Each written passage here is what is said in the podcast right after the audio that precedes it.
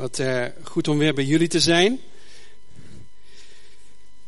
Elke keer als ik hier naartoe kom, dan uh, kom ik met het voornemen om deze gemeente tot zegen te kunnen zijn.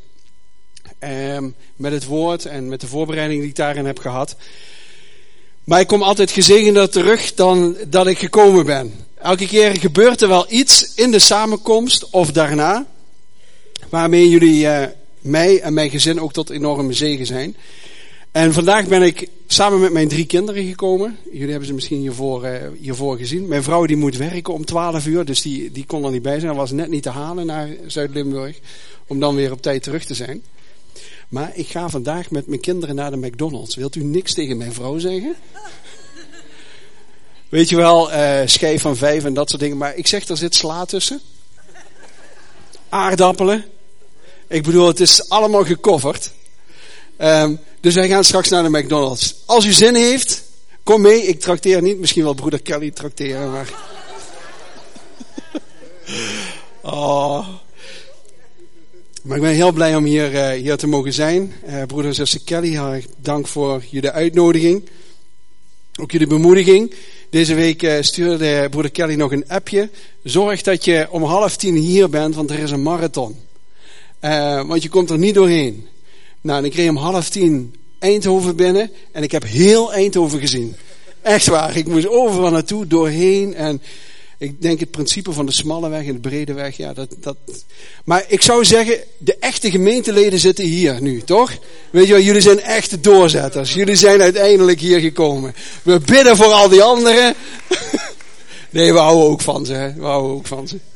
Gelukkig. En uh, Dave en Yvonne, wat geweldig om uh, ja, stiekem een beetje getuige te zijn van het opdragen van Tom. Wat hebben jullie een prachtig gezin. Heel erg mooi. En ik weet niet of jullie het is opgevallen, maar toen broeder Kelly op zijn knieën zat, toen kwam jullie oudste, Max, Max, die kwam naar hem toe en die legde hem de handjes op. Die wist al wat er ging gebeuren. En daarin zie je dat eh, ouders al iets voorleven in het leven van kinderen. En dat ze dat mooi meenemen. En Dave ken ik al wat langer, van de Royal Rangers. Uh, heel, heel, heel lang geleden. En uh, toen merkte ik al dat Dave een ontzettend dienstbaar hart heeft. En ik sprak hem even voor de dienst. En hij zei, ja, dat op dat podium en zo, dat, dat, dat zie ik eigenlijk niet zo zitten, dat wil ik niet. Um, ik ben liever man voor achter, eh, achter de schermen. Maar het viel me wel op hoe snel dat hij op het podium was. Stiekem. Ja, hij draait gewoon mijn geluid weg op het moment dat het... dat hij denkt, het, heeft, het is genoeg geweest. Maar heel fijn om, om uh, bij jullie te zijn en, en met jullie in Gods woord te duiken. Ik heb, jullie hebben me al zien verschijnen. Ik heb een heel bekend verhaal genomen. En het verhaal van David en Goliath. En misschien kunt u alvast uw Bijbel doorbladeren naar 1 Samuel hoofdstuk 17. En daar wil ik vandaag met jullie over spreken. En ik kom al van heel klein, eigenlijk vanaf uh, de leeftijd van Tom zo'n beetje, kom ik in de kerk. En dit verhaal was op de zonderschool, ik zeg, zal maar zeggen, dat was echt een beetje favoriet. Weet je, dat verhaal, dat was echt geweldig. Simpson vond ik natuurlijk ook geweldig. Uh, maar ja, het verhaal van David en Goliath, dat vond ik fantastisch. En het gevaar is een beetje dat op het moment dat je dit verhaal zo vaak hebt gehoord, dat je niet meer ontdekt wat de waarde van dat verhaal is. Omdat alles al zo op onze harde schijf gebrand is, dat we wel weten hoe dat dit verhaal gaat verlopen. En sterker nog, het kan ook zo zijn dat um, als, je, als je niet kerkelijk bent, en je bent misschien hier ook voor de eerste keer, dan het verhaal van David en Goliath, dat kennen we allemaal wel. Min of meer. Het gaat over een kleine man en een grote reus. En die kleine man die, die verslaat die grote reus. Het is ook een uitdrukking, een Goliath kunnen verslaan. Maar het is een heel bekend verhaal. En als dat verhaal in de zonderschool verteld werd, ik weet niet of er nog meer mensen in de zonderschool vroeger gezeten, dan zat ik op het puntje van mijn stoel. En dan hadden we ook zo'n liedje, David met zijn slinger, die was voor niemand bang. En dan moest je zo zwiepen. Sommigen kijken me aan, wat is die aan het doen? Ken je het verhaal of het lied? Oké, okay, oh gelukkig. En dan zwiepte je zo en dan vloog die steen door de lucht. En daarna mocht je keihard op de grond vallen. Dat was natuurlijk fantastisch. Hoe harder, hoe beter. Maar het was een geweldig verhaal van David en Goliath. En ik wil graag, het, het, gezien de tijd duurt het wat te lang om het hele verhaal voor te lezen.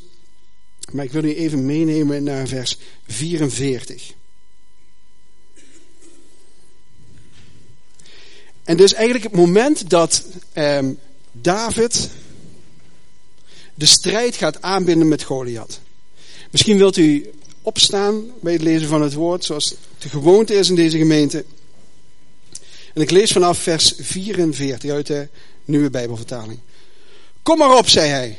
Dan maak ik jou, dat zegt Goliath, dan maak ik jou tot aas voor de gieren en de hyenen. Oh nee, dat zegt, sorry, dat zegt David. Kom maar op, zei hij, dan maak ik jou tot aas voor de gieren en de hyena's. Jij daagt me uit met je zwaard en met je lans en met je kromzwaard, antwoordde David. Maar ik daag jou uit in de naam van de Heer van de hemelse machten, de God van de gelederen van Israël, die jij hebt beschimd. Maar vandaag zal de Heer je aan mij uitleveren. Ik zal je verslaan en je hoofd afhouden. En dan zal ik de lijken van de Filistijnen aan de aasgieren en de hyena's ten prooi geven, zodat de hele wereld weet dat Israël een God heeft. Dan zal iedereen hier beseffen dat de Heer geen zwaard of lans nodig heeft om te overwinnen. Want Hij is degene die de uitslag van de strijd bepaalt en Hij zal jullie aan ons uitleveren. Toen kwam de Filistijn op David af en hij wilde tot de aanval overgaan. Je voelt de, de, de, de filmmuziek voel je aanzwellen. Hè? Toen kwam de Filistijn op David af en hij wilde tot de aanval overgaan. Maar David was hem te snel af. Hij rende hem tegemoet, stak zijn hand in zijn tas en haalde er een steen uit. Slingerde die weg en hij trof de Filistijn zo hard tegen het voorhoofd dat de steen naar binnen drong en de Filistijn vooroverstortte. Zo overwon de Filistijn, David de Filistijn met een slinger en een steen. Hij trof hem dodelijk, zonder dat hij daar maar het zwaard voor nodig had.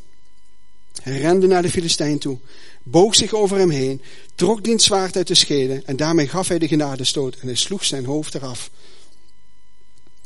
Toen de Filistijnen zagen dat hun held dood was, sloegen ze op de vlucht.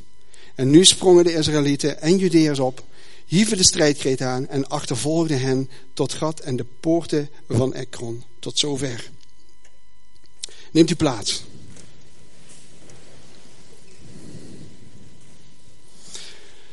Ik wil een paar punten uit dit verhaal eruit lichten. En ik hoop daarmee iets meer um, beeld te geven van wat hier gebeurt.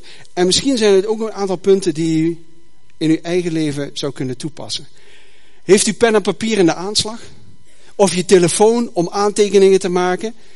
Want ik weet niet hoe het met u is, maar ik vergeet soms nog wel eens de preek die de week daarvoor heeft plaatsgevonden. En is het goed om tijdens de week de dingen nog eens even terug te kunnen kijken. Het eerste punt wat ik bij u wil aankondigen of wat ik wil toelichten is. Wat groot is voor mensen, is klein voor God. En wat klein is voor mensen, is vaak groot voor God. De schrijver van dit verhaal, degene die dit heeft opgetekend, die wil op de een of andere manier aan ons duidelijk maken dat er een groots en mislepend gebeuren hier staat plaats te vinden. Alles wat hij in dit verhaal vertelt, elk detail, de setting van dit verhaal en hoe dat hij het inkleedt, de schrijver, wilt hij duidelijk maken dat het hier om een groot en indrukwekkend verhaal gaat. Hij drukt ons als het ware met de neus op dit verhaal. Kijk eens hoe groot en mislepend dit verhaal is. We zien in vers 1 dat er een oorlog wordt voorbereid. Er zijn twee grote legers: het leger van de Filistijnen en het leger van Israël. Het vindt plaats op de grote toegangsweg naar Juda toe. En dan is daar die kampvechter, Goliath. Het is een roeping het is een beroep, het is zijn leven om alleen maar te vechten. En daarvoor staat David. Een kleine man, een jonge man nog. Een jongetje nog.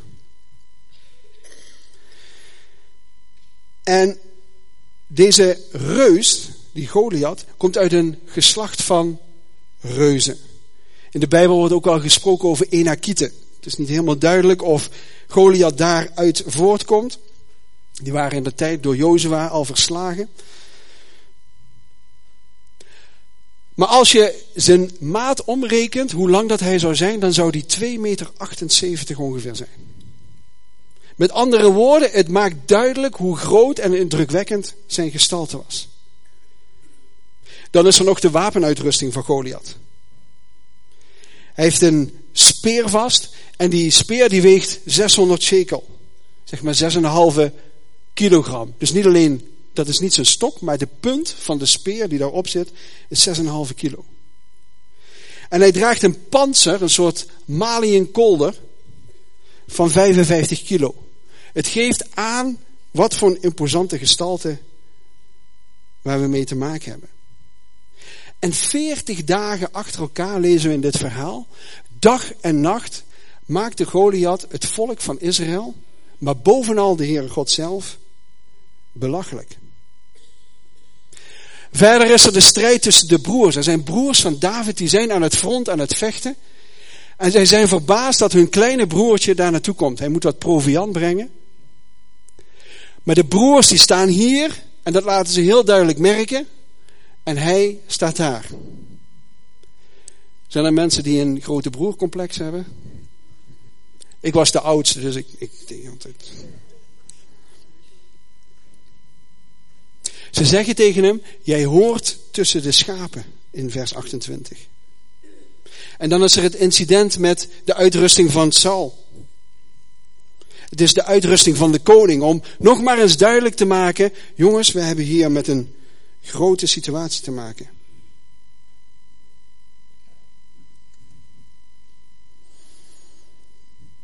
De hele situatie wil duidelijk maken hoe groot en indrukwekkend het is. En weet u, het effect van grote dingen, van indrukwekkende dingen, is dat het verlammend werkt op ons. Het werkt ook verlammend op deze mannen, op dit leger. Op het laatste is het zo dat het volk eigenlijk alleen nog maar Goliath hoeft te zien aanlopen en ze beginnen al te sidderen en te beven van angst. Angst werkt verlammend.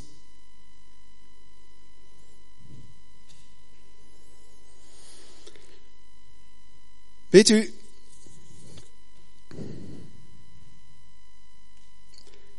omdat het verhaal iets wil duidelijk maken, wil het ook iets duidelijk maken over de Heere God. De Bijbel is eigenlijk zo'n bijzonder boek dat we alleen door de hele Bijbel door te nemen, door de hele Bijbel te proberen te begrijpen, gaan we iets herkennen van het karakter van de Heere God.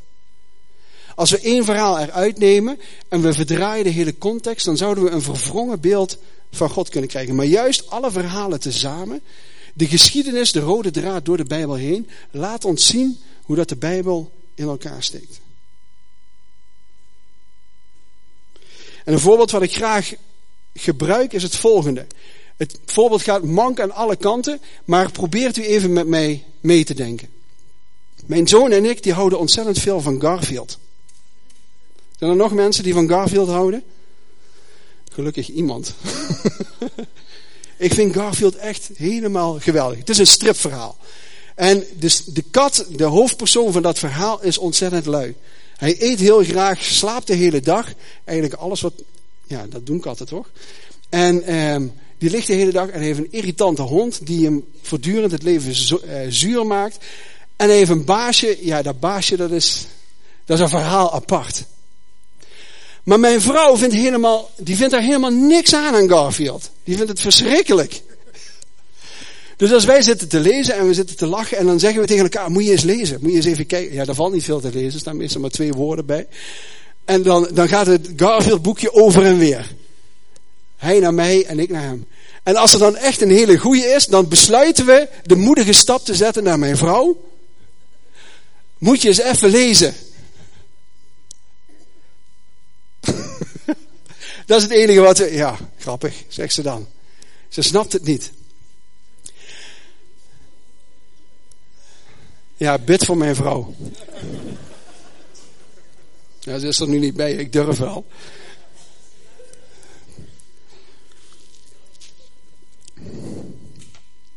Weet je wat het is? Het verhaal van Garfield en de humor van Garfield ga je eigenlijk pas begrijpen op het moment dat je heel veel van dit soort verhalen hebt gelezen. Dat je het karakter van Garfield gaat begrijpen. Dat je ook de typetjes in het verhaal van Garfield gaat begrijpen. En dat je de humor in die drie plaatjes elke keer terug ziet komen. Ik zei u, het verhaal gaat natuurlijk, of de gelijkenis gaat op alle gebieden mank. Maar wat wil ik hiermee duidelijk maken? Hiermee wil ik duidelijk maken dat op het moment dat wij alleen maar bepaalde gedeeltes uit de Bijbel lezen, of willen lezen, of willen begrijpen, dan verstaan we niet het volledige karakter en de bedoeling van de Heere God. En juist al die verhalen tezamen wijzen naar Jezus, wijzen naar de Heere God toe. Dus het volstaat niet om af en toe even een verhaal te lezen. Of af en toe verwonderd te raken over het verhaal van David en Goliath. Maar al die verhalen tezamen leggen de bedoeling van de Heere God uit. En dat is het punt wat ik vandaag met dit gedeelte wil maken. Wat groot is in de ogen van mensen, is klein en onbetekenend in de ogen van de Heere God. Maar datgene wat klein en onbetekenend lijkt voor mensen, is juist groot voor God. In dit verhaal gebeurt dat ook. David is klein en onbetekenend, maar is uiteindelijk degene die die grote, indrukwekkende reus, die deze hele situatie al jongetje verslaat. Maar als je in de Bijbel kijkt, zijn er meer van dit soort uitzonderlijke dingen waar iets heel kleins, iets groots en betekenisvol wordt. Denk maar eens aan het jongetje met de broden en de vissen. Denk eens aan het gekleinde leger van Gideon. Denk eens aan het geloof van een mosterdzaadje. Denk aan de weduwe met de penningen. Of de broodkruimels die van de tafel afvallen voor de wanhopige moeder die genezing voor haar dochter nodig heeft. Of denk eens aan het handjevol discipelen die de hele wereld vertelden dat Jezus was opgestaan uit de dood. Denk eens aan het babytje in de kribbe in Bethlehem. Dat wat klein en onbetekenend lijkt voor mensen, is groot in de ogen van de Heer God. En de duivel doet precies het tegenovergestelde. Datgene wat klein lijkt, dat gaat hij oppuffen, opblazen. Het is een soort ballonvis die zich groter en groter probeert te maken. Maar hoeveel weten dat de duivel een verslagen vijand is? En weet u, lieve mensen, vroeg of laat komen we in ons leven indrukwekkende gebeurtenissen tegen. Groot qua status. We hebben met mensen te maken die tegenover ons staan. Groot qua nieuws, qua impact. Misschien wel groot vanwege een totale verandering die in je leven moet gaan plaatsvinden.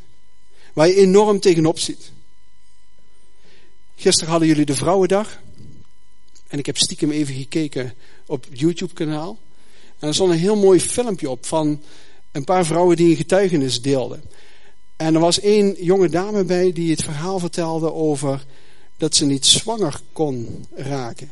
Ik weet niet of jullie het verhaal uh, kennen of gezien hebben. Maar het is zo'n ontzettend mooi verhaal over een situatie waarin dat je denkt dat God geen verandering kan brengen. Dat het lijkt alsof je 1-0, 10-0 achter staat. Maar dan komt God ten tonele en hij maakt iets wat onmogelijk is, maakt hij mogelijk. Dat is de God die ik dien. En weet u wat zo mooi is? Dat op het moment dat mijn kracht klein is, kan God zijn grote kracht zichtbaar maken. Telkens wanneer ik me klein en overweldigend voel, of als ik denk van ik sta 10-0 achter, dan is er voor God altijd de mogelijkheid om iets groots en indrukwekkends te doen. Want op het moment dat ik zelf denk, ik kan het wel, het lukt me wel, dan hoeft God weinig te doen. Want het lukt me toch wel zelf. Maar daar juist in de situatie waar dat je denkt, ik kan het niet aan, het lukt me niet, ik kom er niet doorheen. Dat is voor God de mogelijkheid, de deur open om iets in jouw leven te doen.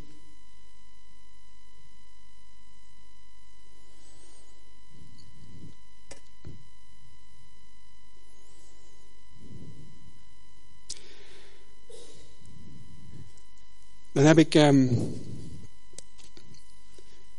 het volgende. Je kunt, dus het eerste is dat, dat God in kleine dingen grote dingen kan doen.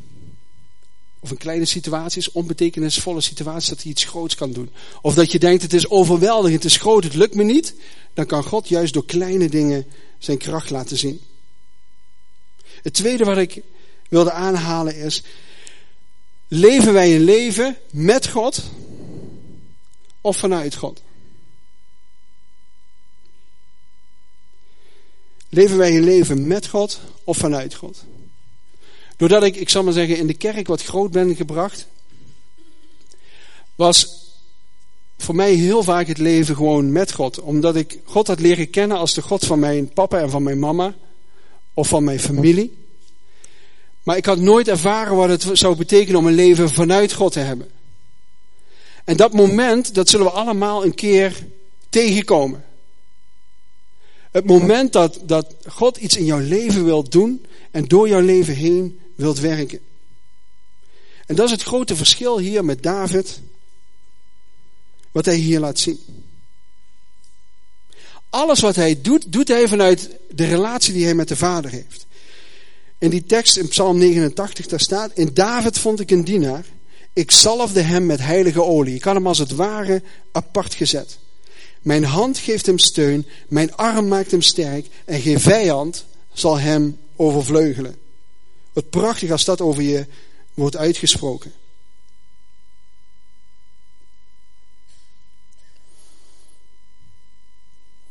Dit hele verhaal vertelt ook de, de opkomst van David en eigenlijk de neergang van koning Saul.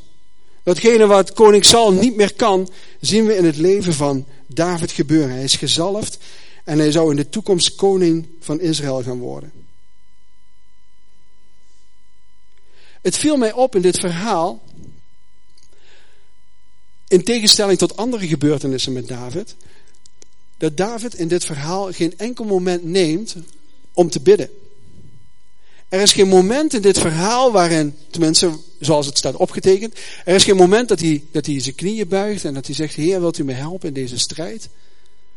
Er is ook geen moment waarin dat het volk wordt opgeroepen om de strijd aan te gaan. En ik dacht, maar dat is gek. Want er zijn andere gebeurtenissen waarin dat hij dat wel doet. Maar mijn interpretatie van dit gebeuren is dat David zo verbonden was, zo vanuit relatie leefde met de Heere God, dat het voor hem geen, het was gewoon logica om ervan uit te gaan dat God met hem mee was.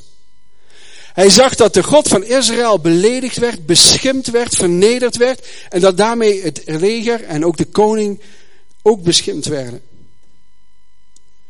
En doordat hij zo'n sterke relatie met de vader had, doordat er zo op die God van hem gevoeterd werd, daar kwam een soort boosheid in hem. Een soort verontwaardiging. Maar heer, dit, dit kan toch niet gebeuren? Dit zal niet gebeuren. God heeft beloofd dat hij met ons zal zijn. En ik ga die strijd aanbinden.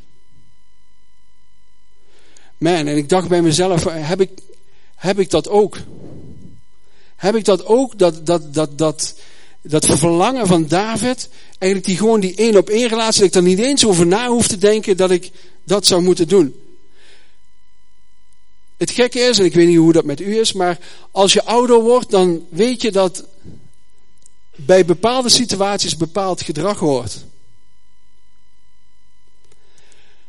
En kinderen hebben daar eigenlijk geen last van. Op het moment dat ze op school over God spreken, is hetzelfde als dat ze in de kerk over God spreken. Maar wij gaan in de kerk vaak heel anders praten, ineens. Heel heilig en heel vroom praten. Um, ja, u niet, maar ik wel, denk ik. maar we hebben op de een of andere manier aangeleerd dat bepaald gedrag in bepaalde situaties toelaatbaar is. Want daar worden we op afgerekend of niet op afgerekend. En het mooie vind ik van David, dat er geen verschil is in welke situatie dat hij zich bevindt, omdat zijn relatie met de vader één op één hartstikke doordrongen is van, ik, ik hoor bij hem en hij hoort bij mij en, en we, zijn, we zijn eenzaam. En ik zou veel meer van dat willen hebben. En ik weet niet hoe dat u hier zit en hoe goed of hoe minder goed uw relatie met de Heere God is, of hoe ver dat u van hem afstaat, of hoe, hoe nabij dat u bent. Maar ik geloof wel dat het in die relatie gebeurt. Daarin vind ik mijn zekerheid, daarin vind ik mijn bevestiging, daarin vind ik mijn kindschap, daarin vind ik mijn overwinning, daarin vind ik mijn rust, daarin vind ik mijn vrede.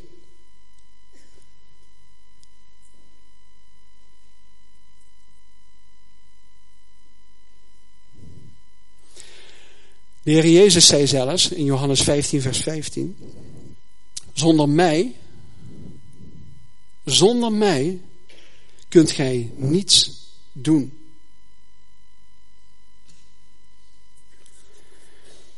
Johannes 5, vers 19 staat: Jezus dan antwoordde en zei tegen hem: Voorwaar, voorwaar, ik zeg u, de zoon kan niets van zichzelf doen. Als hij dat niet de vader ziet doen. Want al wat deze doet, dat doet de zoon op dezelfde wijze. Jezus leert ons eigenlijk hier vanuit mijzelf. Ik als Jezus zijnde kan niks doen tenzij ik de Vader heb kunnen doen. En dat is zo'n belangrijke wetenschap om dat te hebben. In welke situatie dat u zich ook bevindt of waar dat u zich ook in verkeert. Hoe groot, hoe overweldigend, hoe indrukwekkend de situatie ook is. Het begint met de wetenschap dat we vanuit onszelf niets kunnen. Ja, maar dat is lastig, want wij leven in een samenleving waar dat iedereen staat op datgene wat hij juist goed kan. Pas geleden ben ik lid geworden van LinkedIn.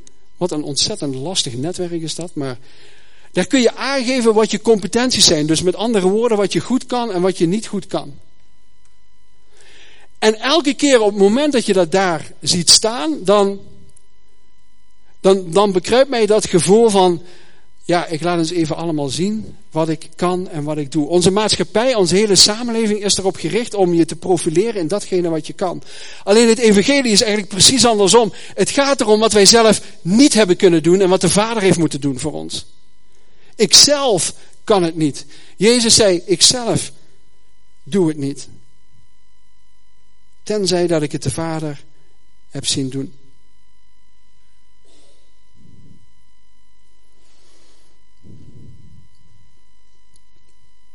Het moeilijke is dat de zonde als het ware een kloof heeft geslagen tussen God en tussen mensen. Wij konden het zelf niet voor elkaar krijgen om ons van onze zonde, om onszelf uit de beerput te verlossen.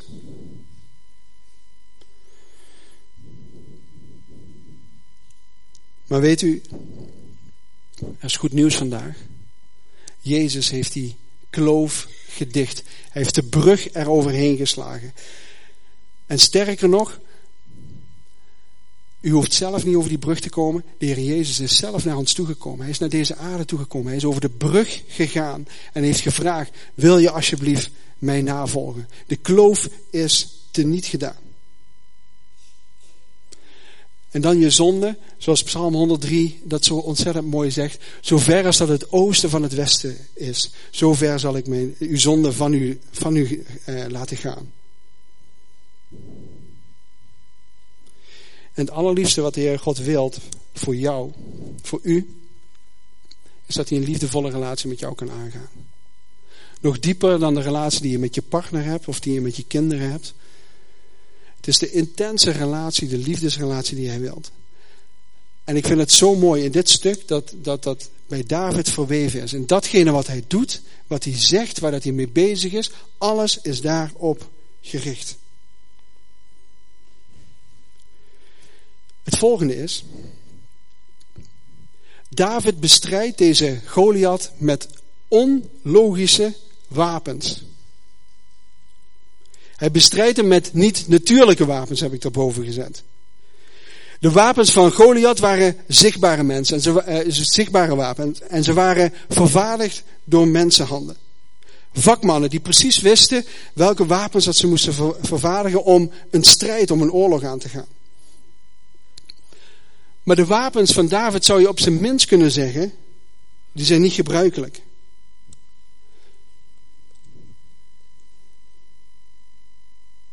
Hij doet namelijk iets anders. Hij gebruikt wel een wapen, hij gebruikt slinger en stenen. Maar eigenlijk waren deze slinger en stenen bedoeld voor het herderswerk. en niet om een oorlog in te gaan. In vers 45 en 47, daar zegt David het zo ontzettend mooi. U komt naar mij toe met een zwaard en met een speer en met een werpspies. Dat zijn de wapenen van deze wereld. Dat is de wapens waarmee dat de wereld dit gevecht aangaat. Hij zegt niet, ik kom met een slinger en ik kom met vijf stenen op je af. Nee, hij zegt, maar ik kom naar u toe in de naam van de Heer van de legermachten. De God van de gelederen van Israël, die u gehoond heeft. Die u bespottelijk heeft gemaakt. Dan staat er in vers 47 zo mooi. En deze hele gemeente, deze, dit hele volk, dit hele leger zal weten dat de Heer niet door zwaard of door speer verlost is. Want de strijd is van de Heer.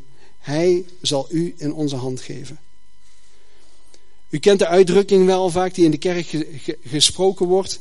De strijd is van de Heer. De strijd is van de Heer. David had geen zwaard in zijn hand, maar hij had een zwaard in zijn mond. Hij wist dat de Heere bij hem was. Hij wist dat de Heere hem zou leiden en zou sturen.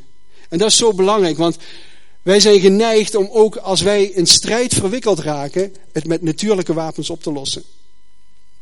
Daar waar je onrechtvaardig wordt aangepakt, dan heb je de neiging om op een natuurlijke wijze terug te vechten.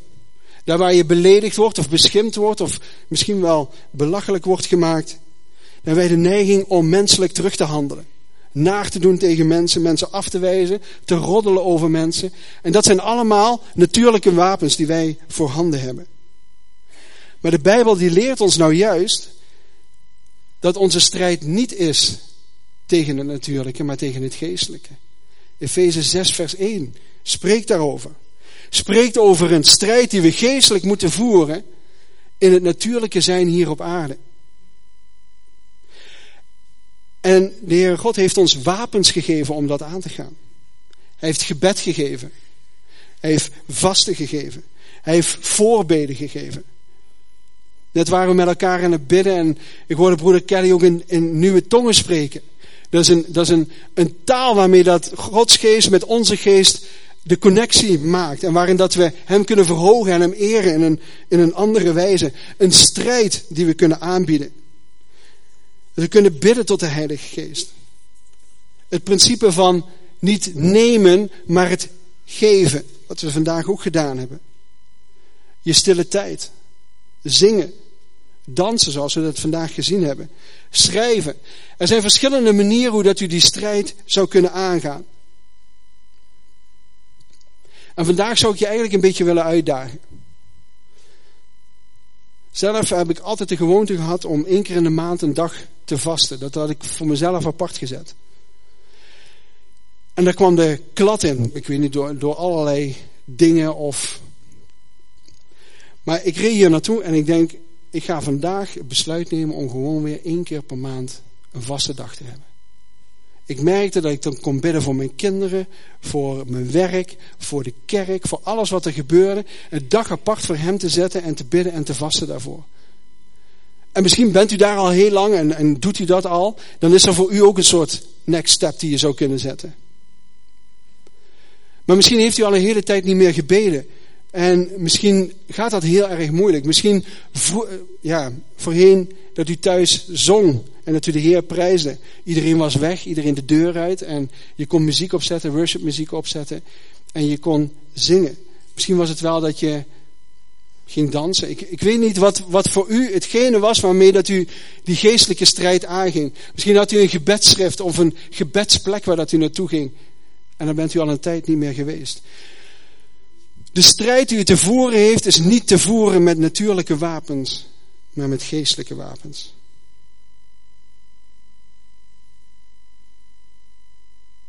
En God wil niets liever dan daarin samen te werken. God gebruikte het talent, het herderstalent van David, om de strijd te winnen. En zo is het bij u ook. Hij zal precies datgene doen in uw leven wat, wat, wat past en wat ook wat in de lijn van uw ontwikkeling met de Heer is. Hij wilt met u samenwerken. Ik ga naar het laatste punt. Jezus is onze volmaakte David. Jezus is onze volmaakte David. Weet u wat het is? Het was op die manier, um, ik zal maar zeggen, de, de, de, de, uh, de kern van, van, van datgene wat hier gebeurt is het volgende. Goliath die zei, ik treed elke dag naar voren en ik maak het volk belachelijk, ik maak de Heere God belachelijk, maar u hoeft maar één man af te vaardigen. En als die van mij wint, dan onderwerpen wij onszelf aan jullie. Maar als ik win, zei Goliath, dan zal uw hele volk en uw koning vervallen tot slavernij. Dat was het principe. En dit was eigenlijk een hele ongebruikelijke methode die er in die tijd gebruikt werd. Het kwam wel in andere volkeren kwam dit voor, maar in de Bijbel zien we dit eigenlijk niet terugkomen.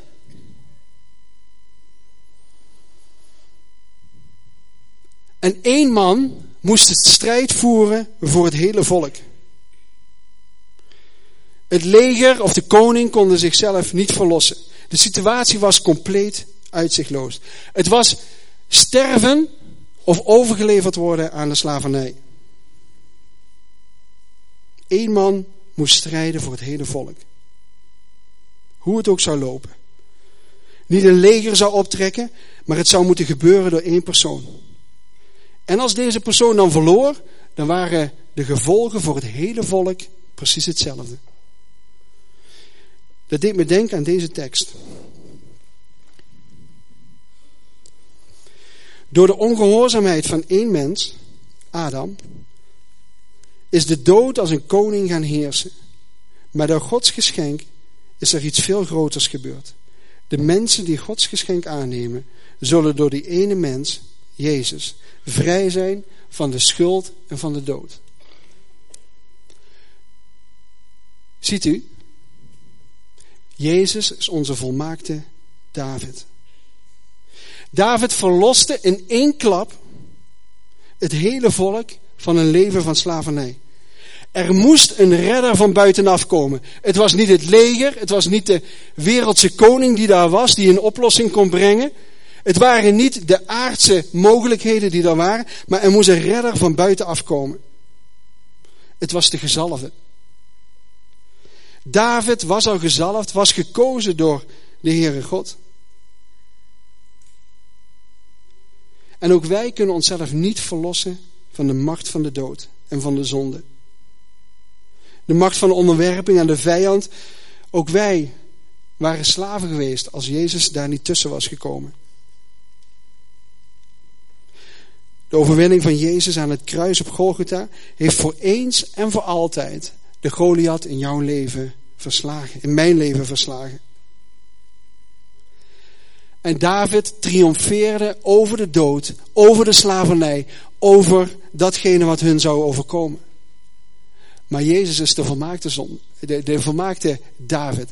Hij versloeg de zonde voor eens en voor altijd. S, uh, uh, bracht die kloof die wij voelen over zonde en over dood en over uitzichtloosheid, die, die, die slecht Jezus.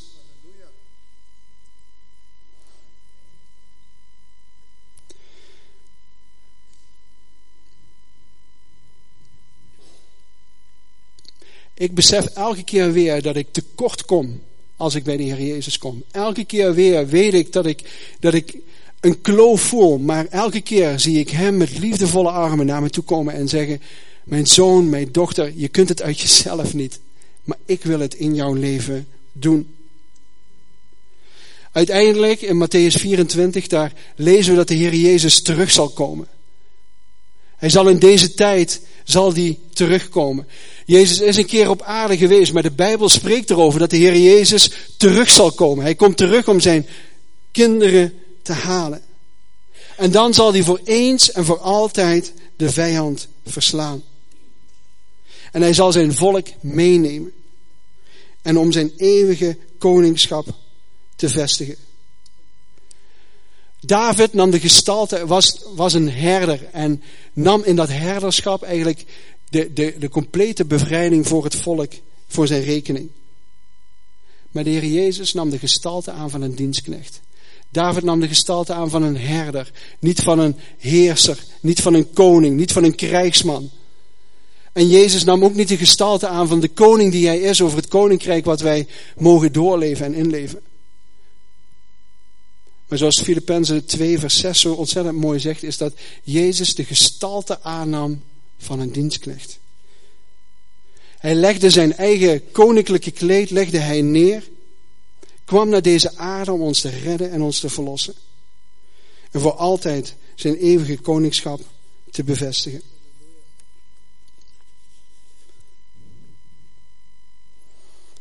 Ik zou willen vragen of u wilt gaan staan.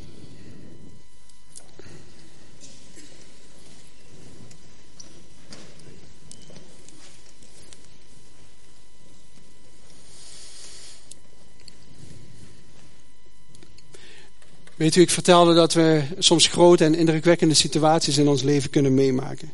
Van die T-sprongmomenten in je leven. En ze maken grote indruk. Misschien iemand die je tegenover je hebt op je werk, die een negatieve invloed op je heeft. Een familielid. Misschien een ziekte die je te deel is gevallen en die grote indruk op je, op je maakt. Maar weet datgene wat groot is in de ogen van mensen, is klein in de ogen van de Heer God. En daarom is het zo belangrijk om voor jezelf te weten, Heer, vanuit mijzelf kan ik niets. Maar u moet het in mijn leven doen. Daar waar je de strijd aan bent gegaan met natuurlijke wapens, door misschien roddel of kwaad te spreken, of je af te zetten of negatief te zijn. Heb je vandaag gehoord om juist een ander wapen te hand te nemen? Een wapen van gebed, misschien een wapen van vasten, wapen van zingen. Het wapen van je stille tijd. En weet dat in dit alles Jezus de uiteindelijke en volmaakte David is. Wij zelf kunnen ons niet bevrijden, kunnen onszelf niet verlossen, kunnen onszelf niet vrijkopen. Maar het was Heer Jezus die ons vrijkocht. Halleluja. Zullen we samen bidden? Hemelse Vader, dank u wel, Heer. Dank u wel dat uw woord zo ontzettend rijk is. Dit verhaal hebben we misschien wel honderdduizend keer gehoord in ons leven. Ja, maar dit soort verhalen hebben zoveel waarde en worden zo vaak gelezen, juist vanwege de kracht die in dit verhaal schuilt. Vader, soms kijken wij het, het verhaal gewoon op natuurlijke basis. Heer, een David die een Goliath verslaat. Moeilijke omstandigheden die worden overwonnen. Maar als we uw woord meer gaan bestuderen, meer gaan bekijken wat het verhaal achter het verhaal is, wat de diepere lagen in uw woord zijn, Heer, dan ontdekken we dat alles een heenwijzing is naar u, Heer Jezus. Naar de komst van u naar deze aarde toe. En dank u wel, Heer, dat u terug zult keren op de wolken. Heer, om uw volk mee te nemen, om ons te bevrijden en te verlossen en de vijand voor eens en voor altijd te verslaan. Vader, ik dank u wel voor elke man, elke vrouw, elke jonge meisje, Heer, die hier aanwezig is. Ik wil u bidden, Heer, dat ze mogen weten dat hoe groot en hoe verweldigend de situatie ook kan zijn in hun leven, dat er altijd een moment is waarin dat God een groot wonder kan doen. Heer, ik wil u bidden dat ze de hoop niet zullen verliezen, maar vast zullen houden aan u, Heer Jezus. Ook al lijkt de situatie overweldigend en lijkt je 10-0 achter te staan, u heeft altijd het laatste woord, Heer Jezus. Dank u wel dat u ons heeft verlost en bevrijd van de macht van de zonde. Heer, voor eens en voor altijd heeft u de brug geslagen en bent u er overheen gegaan om ons te omarmen, ons op te vangen, ons kracht te geven en een nieuw leven te geven in Jezus Christus. Heer, en ik zie uit naar de dag dat u terug zult komen, op de wolken, om ons mee te nemen, uw geliefde gemeente. En Heer, ik wil u bidden, Heer, dat u zegen mag rusten op deze hele gemeente, Vader, in de naam van Jezus. Halleluja. Amen. Amen. Moeder Kelly.